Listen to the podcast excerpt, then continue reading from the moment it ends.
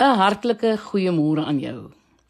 Ek wil graag met jou praat uit Spreuke 4 vers 23 wat sê wees veral versigtig met wat in jou hart omgaan want dit bepaal jou hele lewe. Nou ja, ek wil jou graag vra om eerlik met jouself te wees. Is dit jou hartsbegeerte om God te hoor?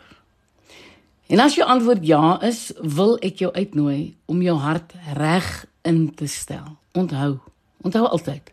God praat eers met ons harte en dan met ons ore en ander sintuie. En jy moet met God daaroor praat. Jy moet 'n verwagting in jou hart kry dat jy God gaan hoor op 'n tyd en 'n manier wat hy vir jou sal uitwys.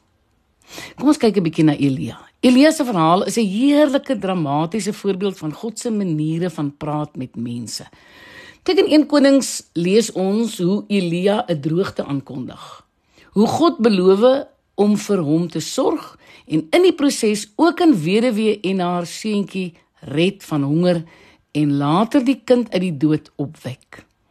In Hoofstuk 18 lees ons van Elia se skouspelagtige oorwinning oor die Baal profete en hoe God Elia kragtig gebruik om vir die volk te wys wie die ware God is. En as 'n toegif laat God dit reën na die groot oorwinning en Elia kry ekstra oomf om sommer so voor koning Agab se wa uit te hardloop. Maar dan vertel die swakkeling van 'n Agab vir sy aaklige vrou Isebel wat Elia alles gedoen het, ook dat hy al die Baalprofete om die lewe gebring het en Isebel sweer wraak teen Elia. Nou, in die volgende hoofstuk lees ons hoe hierdie dapper en onverskrokke man van God doodsbang word ter wille van sy lewe vlug hy dan. Hy kerm by God Nou is dit genoeg, Here, neem my lewe. En dan gaan lê hy onder 'n bos en hy raak aan die slaap en twee keer maak 'n engel hom wakker en bring vir hom kos en hy stap aan tot by die berg Horeb. En daar kruip hy in die grot in vir die nag. En in 1 Konings 19 vers 9 lees ons hoe God direk met hom praat deur te vra: "Wat maak jy hier, Elia?" En dan begin 'n baie interessante gesprek tussen God en Elia. Ja, Elia kla by God dat hy sy lewe aan God se saak gewy het dat die Israeliete goddeloos is en dat hy die enigste godsvreesende is wat oorgebly het en nou wil die koning en sy gevaarlike vrou hom doodmaak. En dan wat hoe antwoord God hom? God sê: "Kom.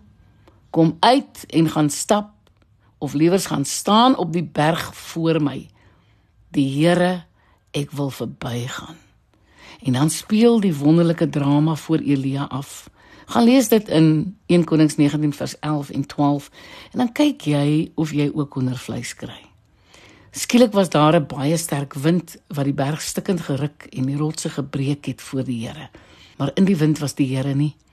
Na die wind was daar 'n aardbewing. Maar in die aardbewing was die Here nie. Na die aardbewing was daar 'n vuur, maar in die vuur was die Here nie. En na die vuur was daar 'n fluistering in die windstilte. En toe Elia dit hoor, het hy sy gesig met sy mantel toegemaak en by die bek van die grot gaan staan.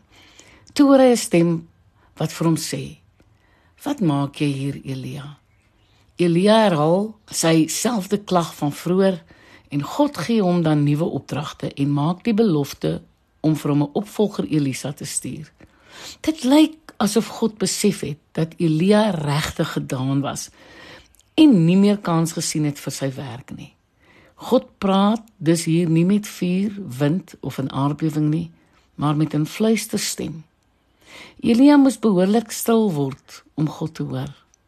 Maar hy het dadelik geweet toe dit God se stem was. Hoekom? Want hy het God se stem geken.